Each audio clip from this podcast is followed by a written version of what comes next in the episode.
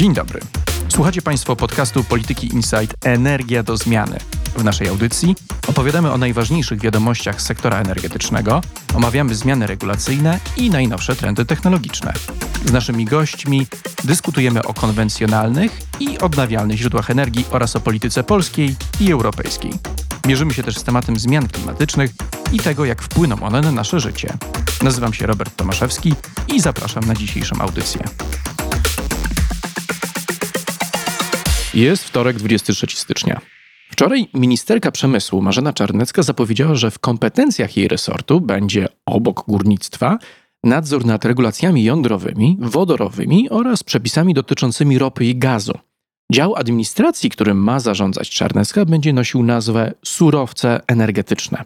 Aby przeprowadzić taką zmianę, konieczna będzie nowelizacja ustawy o działach administracji państwowej i znaczące uszczuplenie kompetencji Ministerstwa Klimatu, którym zarządza Paulina Henning-Kloska. O tym, co oznacza deklaracja ministerki przemysłu, porozmawiam dziś z Julią Cydejko. Julio, to może na początku szybko przypomnijmy sobie, kim jest Marzena Czarnecka, jak znalazła się w gabinecie Donalda Tuska i czym obecnie zarządza w ramach swojego resortu przemysłu. Marzena Czarnecka jest przede wszystkim profesorką Uniwersytetu Ekonomicznego w Katowicach już od kilku dekad. Zrobiła karierę akademicką jako prawniczka i ekonomistka i zajmowała się przez wiele lat kwestią e, prawa pracy, prawa energetycznego. Pracowała też jako prawniczka dla dużych energetycznych firm i państwowych, i prywatnych. Prowadziła w Tauronie dział prawny jako główna prawniczka tej spółki przez jakieś trzy lata, więc zdecydowanie kompetencje energetyczne i prawne ma. No i jest ze Śląska. Rzeczywiście urodziła się w Zabrzu, całe życie tam mieszkała i jest jakoś wrośnięta w ten krajobraz społeczny tego regionu i wydaje mi się, że te aspekty miały wpływ na jej nominację na stanowisko ministerki przemysłu, ale kluczowe było jej powiązanie z Borysem Budką, obecnym ministrem aktywów państwowych, który razem z nią w zeszłym roku współtworzył Katedrę Transformacji Energetycznej właśnie na Uniwersytecie Ekonomicznym w Katowicach i jest naukowo z nią od lat związany. Z naszych informacji też wynika, że robił u niej na przykład aplikację radcowską, więc te powiązania są rzeczywiście, jak słyszymy, i zawodowe, i do pewnego stopnia prywatne. To są po prostu bliscy znajomi współpracownicy.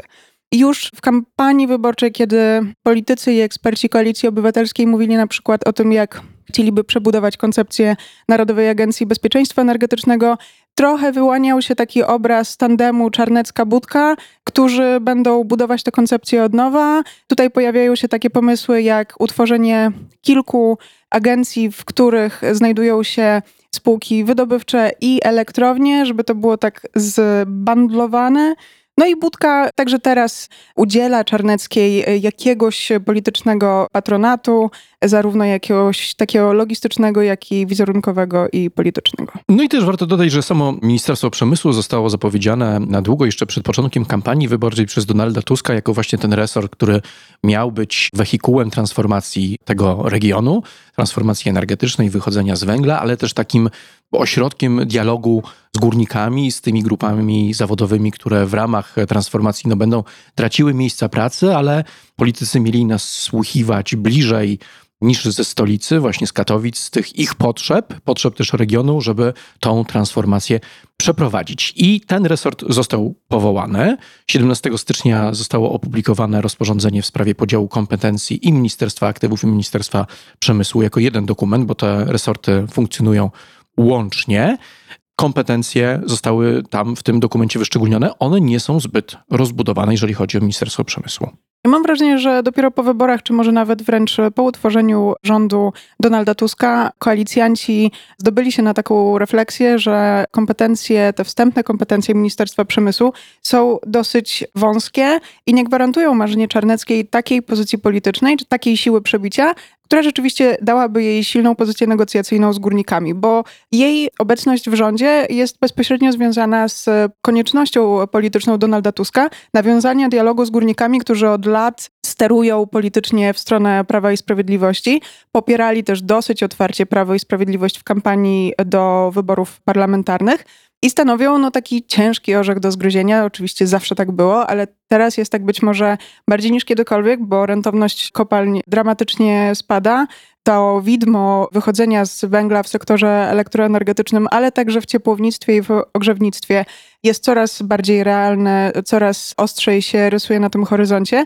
Obłaskawić górników w tej sytuacji będzie bardzo trudno. To właśnie Marzena Czarnecka miała podjąć się tego zadania, no ale z tymi kompetencjami, które dostała na starcie, raczej mało może zdziałać. Co więcej, zbudowanie silnego instytucjonalnie resortu od zera na Śląsku, gdzie nie ma tych kadr administracyjnych, trzeba by było w praktyce zwieść z Warszawy, byłoby bardzo trudne. Kronikarskiego obowiązku przypomnijmy, co Marzena Czarnecka dostała do zarządzania w tym resorcie. Ano dostała Departament Górnictwa i Hutnictwa, który został wyjęty z Ministerstwa Aktywów. To jest departament, który prowadzi innymi sprawy związane z notyfikacją pomocy publicznej dla sektora wydobywczego. Dostała też pod nadzór cztery instytucje, w tym Główny Instytut Górnictwa, Państwowy Instytut Badawczy w Katowicach, Instytut Techniki Górniczej Komak w Gliwicach, Instytut Technologii Paliw i Energii w Zabrzu oraz Wrocławski Instytut Górnictwa Odkrywkowego. No i tyle. Nie ma żadnych wiceministrów. Sam urząd, jego siedziba w Katowicach, w siedzibie Polskiej Grupy Górniczej, więc tym bardziej symbolika tego miejsca pokazuje, czym ten resort w pierwszej kolejności ma się zajmować. Tutaj te intencje są bardzo czytelne, bo to jest oczywiście notyfikacja umowy społecznej z górnikami, która przewiduje wygaszenie wydobycia węgla kamiennego do 2049 roku. Oczywiście za sowite dopłaty z budżetu państwa. Ta pomoc jest cały czas niezalegalizowana przez Komisję Europejską. No i to jest pierwsze zadanie Marzeny Czarneckiej. Ale też taka wtyczka rządowa bezpośrednio w siedzibie Polskiej Grupy Górniczej. Wydaje mi się, że to nie jest przypadek, że akurat w tym miejscu ma być ulokowane jej ministerstwo. Ona sama odniosła się do tego wczoraj jako do powrotu do korzeni.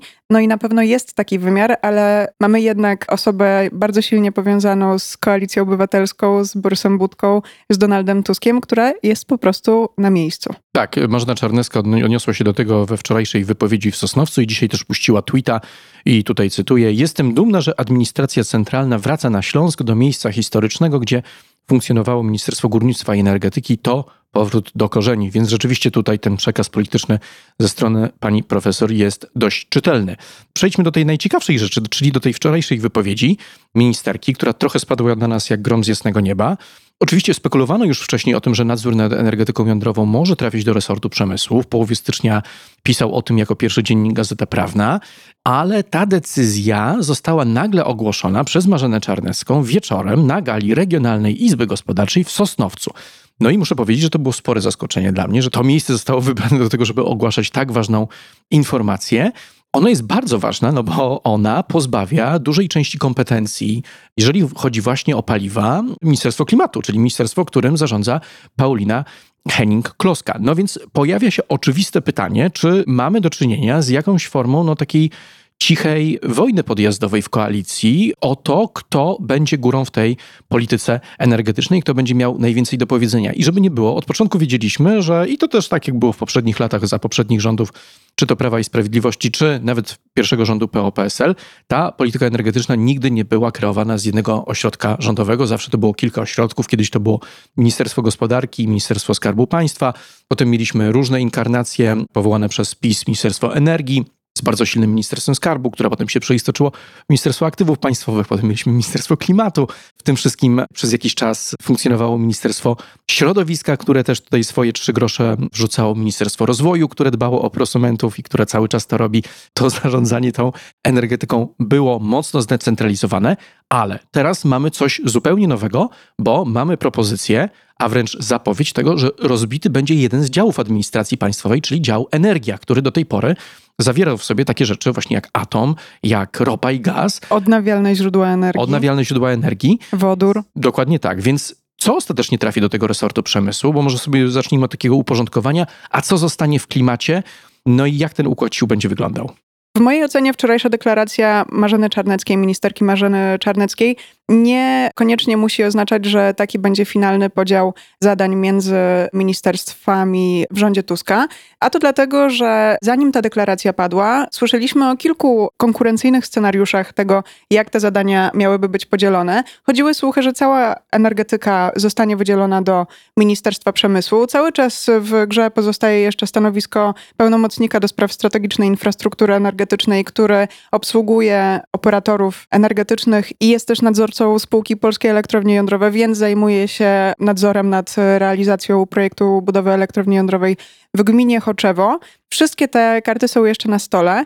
Mnie zaskoczyło najbardziej we wczorajszej wypowiedzi Czarneckiej wspomnienie o wodorze i jej deklaracja o tym, że to właśnie Ministerstwo Przemysłu miałoby przejąć zadania związane z gospodarką wodorową, bo o tym, że Marzena Czarnecka chce wziąć atom, mówiąc kolokwialnie, mówiło się już od dawna i z tego wyrasta dużo kontrowersji, ale tutaj myślę, że narracyjnie sprawny polityk czy sprawna polityczka jest w stanie to obronić. Węgiel i atom jako dwie technologie, które są zdolne do pracy w podstawie. Jedna obecnie, a druga w przyszłości mają gwarantować nam to bezpieczeństwo energetyczne, które tak chętnie politycy wymieniają.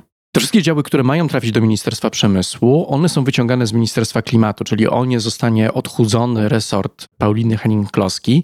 To są trudne departamenty. Departament atomowy, on nie nadzoruje polskich elektrowni jądrowych, ale odpowiada za za regulacje, za przygotowanie prawa, również za tę część związaną z negocjacjami z Komisją Europejską w sprawie systemu finansowania elektrowni jądrowej, tego jaką będzie ta budowa będzie finansowana i z czego wspierana. I ma też sporo do powiedzenia, jeśli chodzi o projekty atomowe prywatne.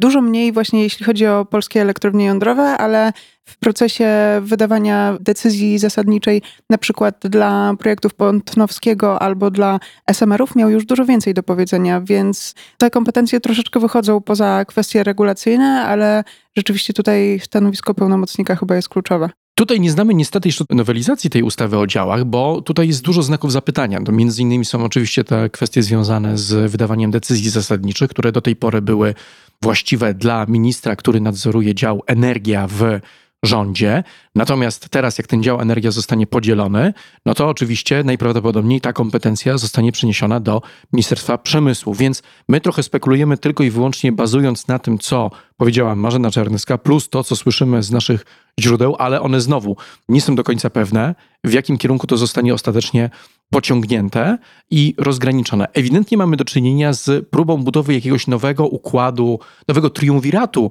resortów, które będą nadzorowały politykę energetyczną. Ministerstwa Klimatu, który w tym układzie będzie znacznie bardziej się skupiało na tej części zielonej, odnawialnej, związanej właśnie z przyszłością. Ministerstwa Aktywów, które będzie ciążyło ku przeszłości, będzie myślało o tych aktywach węglowych swoich spółek, co z nimi zrobić, jakie przenieść czy zbudować NABE, czy kilka jednostek, tak jak mówiłaś. No i wreszcie Ministerstwa Przemysłu, który staje się taką przedziwną hybrydą górniczego resortu, którego zadaniem jest przede wszystkim dbanie o dobro braci górniczej i znalezienie jakiegoś sposobu, żeby przeprowadzić zamknięcie tego sektora bez protestów społecznych, bez wybuchu jakiegoś niezadowolenia na Śląsku i jednocześnie mającego do dyspozycji również nadzór nad regulacjami przyszłościowymi, czyli właśnie energetyki jądrowej. Mamy jeszcze oczywiście wodór i ropę i gaz. Jak rozumiem, logika tego podziału jest taka, że no mamy te surowce energetyczne, więc trzeba je zgromadzić w jednym miejscu, ale połączenie znowu regulacji wodorowych, które są wybitnie związane na przykład z odnawialnymi źródłami energii, bo będziemy w przyszłości inwestowali w zielony wodór, produkowany właśnie z OZE, z farm wiatrowych, z farm fotowoltaicznych, jest trochę dziwnym pomysłem. Tak samo włączenie ropy i gazu do tego resortu, czyli tych departamentów, które przede wszystkim zajmują się bezpieczeństwem paliwowym, to jest kompletnie też zupełnie inna historia, prawda? I abstrahując już od tej części merytorycznej, że będziemy mieli do czynienia, jeżeli oczywiście ta nowelizacja pójdzie tym torem zapowiedzianym przez Czarneską, z przedziwną hybrydą resortową, znacznie silniejszym resortem merytorycznie, ale też nie wiem, czy z lepiej funkcjonującym ministerstwem, będziemy mieli też potężny problem logistyczny, bo zapowiedź jest jasna, że siedzibą tego ministerstwa ma być Śląsk. Tam też ma urzędować profesor Czarnecka. Natomiast co z urzędnikami, którzy normalnie pracują w Warszawie w departamentach ropy, gazu, wodoru, energetyki jądrowej? Czy będziemy ich przenosić, czy jednak będziemy mieli takie ministerstwo o dwóch stolicach? Jedna w Katowicach, formalna, a druga rzeczywista, tam gdzie ta kadra urzędnicza rzeczywiście pracuje, no to niezmiennie Warszawa. Zdaje się, że nikt nie oczekuje od wszystkich kadr, wszystkich tych departamentów, które mają przejść do Ministerstwa Przemysłu, przeprowadzki do Katowic, no bo też byłby to gigantyczny wysiłek logistyczny dla samych instytucji, jakimi są te ministerstwa. To prawdopodobnie oznaczałoby też konieczność przeniesienia rodzin tych pracowników. No już bez przesady, podróż z Warszawy do Katowic to nie jest też długa droga, żeby całe rodziny trzeba było przenosić, ale rzeczywiście to jest utrudnienie takie bieżącej pracy i funkcjonowania. Jest znaczne utrudnienie logistyczne, jaki jest z tego, co słyszymy. Oczywiście to nie są potwierdzone informacje. Pomysł na rozwiązanie tego konundrum, wyprowadzenie pracowników tych departamentów z Wawelskiej z Ministerstwa Klimatu i przeprowadzenie ich do Ministerstwa Aktywów Państwowych na ulicę Kruczą w Warszawie. No i tutaj znowu pokazuje nam się sojusz nieformalny, polityczny Marzeny Czarneckiej i Borysa Budki, bo właściwie dlaczego nie mogłyby te osoby pracować z Wawelskiej z Ministerstwa Klimatu, skoro i tak nie przenoszą się do Katowic. Tutaj widać, że faktyczna kontrola nad pracą tych departamentów będzie oczywiście sprawowana przez ministerkę Czarnecką, ale we współpracy z ministrem Budką. I to odpowiadając na te kwestie logistyczne. Natomiast ja mam też taką refleksję, że w warunkach polskiej energetyki, polskiej transformacji, do tej karuzeli sprzeczności technologicznych, tu węgiel, tam OZE, tu atom, tam wodór, pod kogo co podpada, powinniśmy jakoś już się do tego przyzwyczaić. W samych spółkach energetycznych konflikty interesów często występują. Natomiast no, musimy chyba zahaczyć jeszcze tutaj o kwestię taką polityczną z zacięciem partyjnym. No bo Ministerstwo Klimatu i Środowiska to jest nagroda Polski 2050 i Szymona Hołowni za świetny wynik w wyborach parlamentarnych. Resort bardzo dla nich ważny. Dla samej Henning Kloski, która zmobilizowała się po aferze wiatrakowej i mam wrażenie, że szczerze miała motywację i postanowienie zbudowania silnego resortu na Wawelskiej.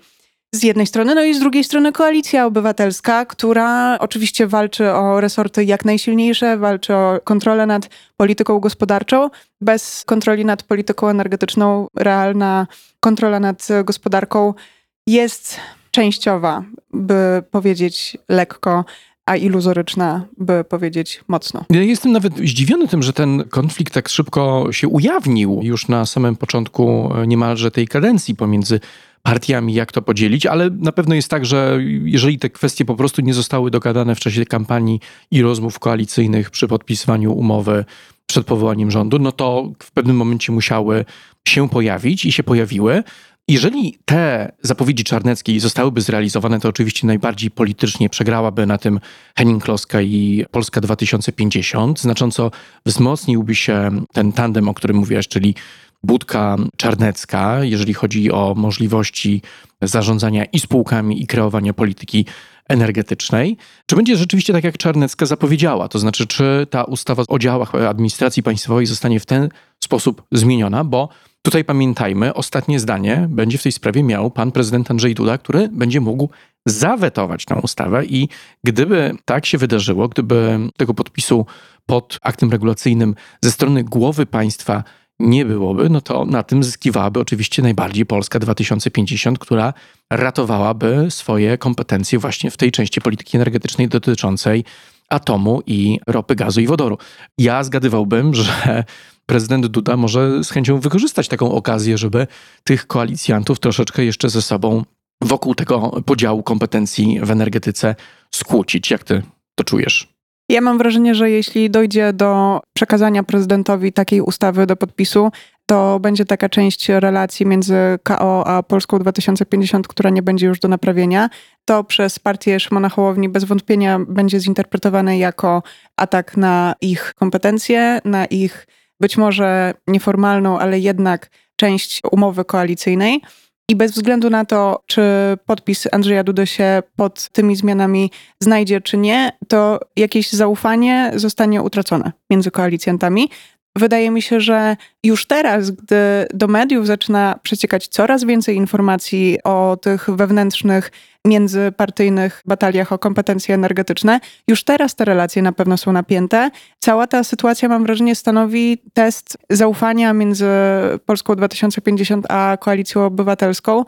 być może jeszcze poważniejszy niż afera wiatrakowa, no bo uderzający w samą tożsamość Polski 2050 i ich profil polityczny, ale też ideowy.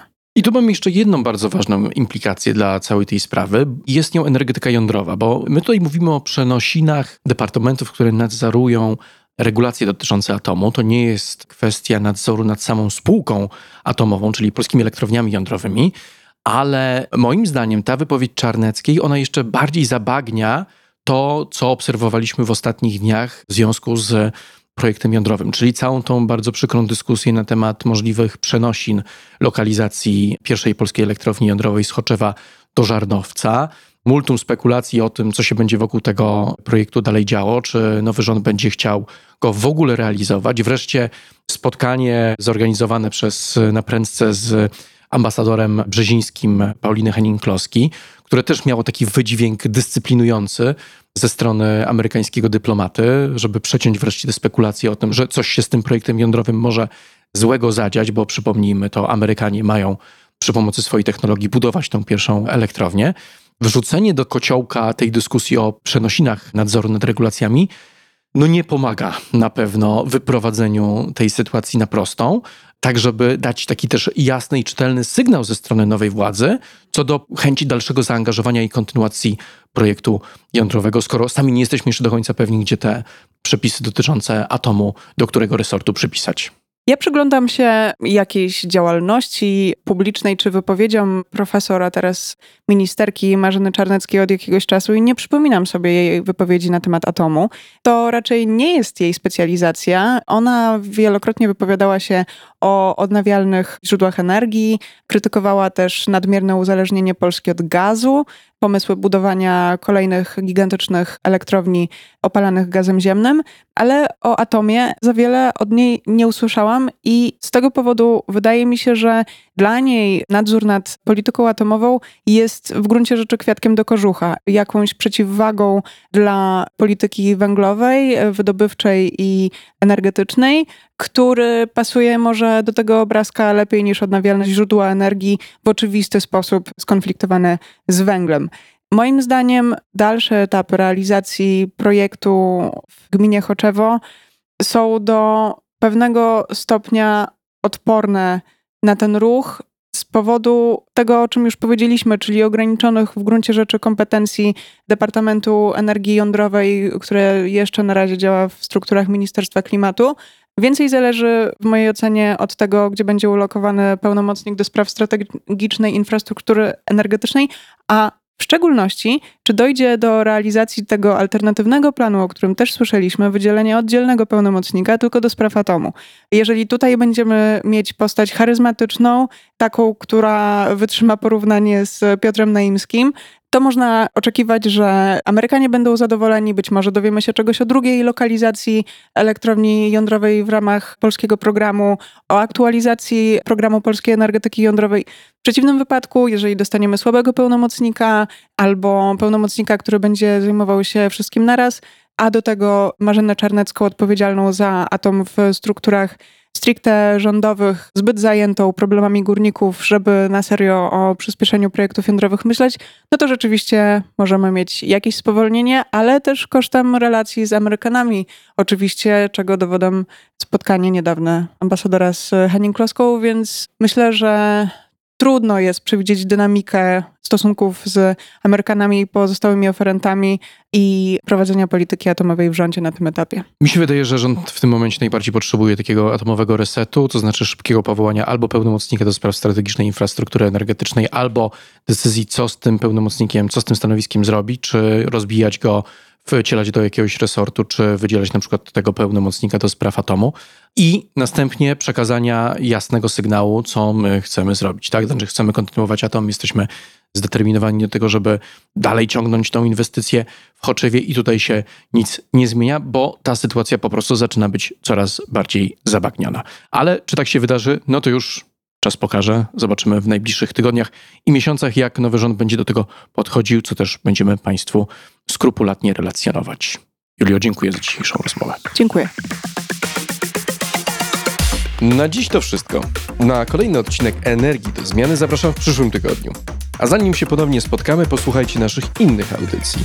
Znajdziecie je w najważniejszych serwisach, m.in. Spotify, Apple Podcasts, Google Podcasts i na SoundCloudzie. W pole wyszukiwania piszcie po prostu Polityka Insight. Do usłyszenia.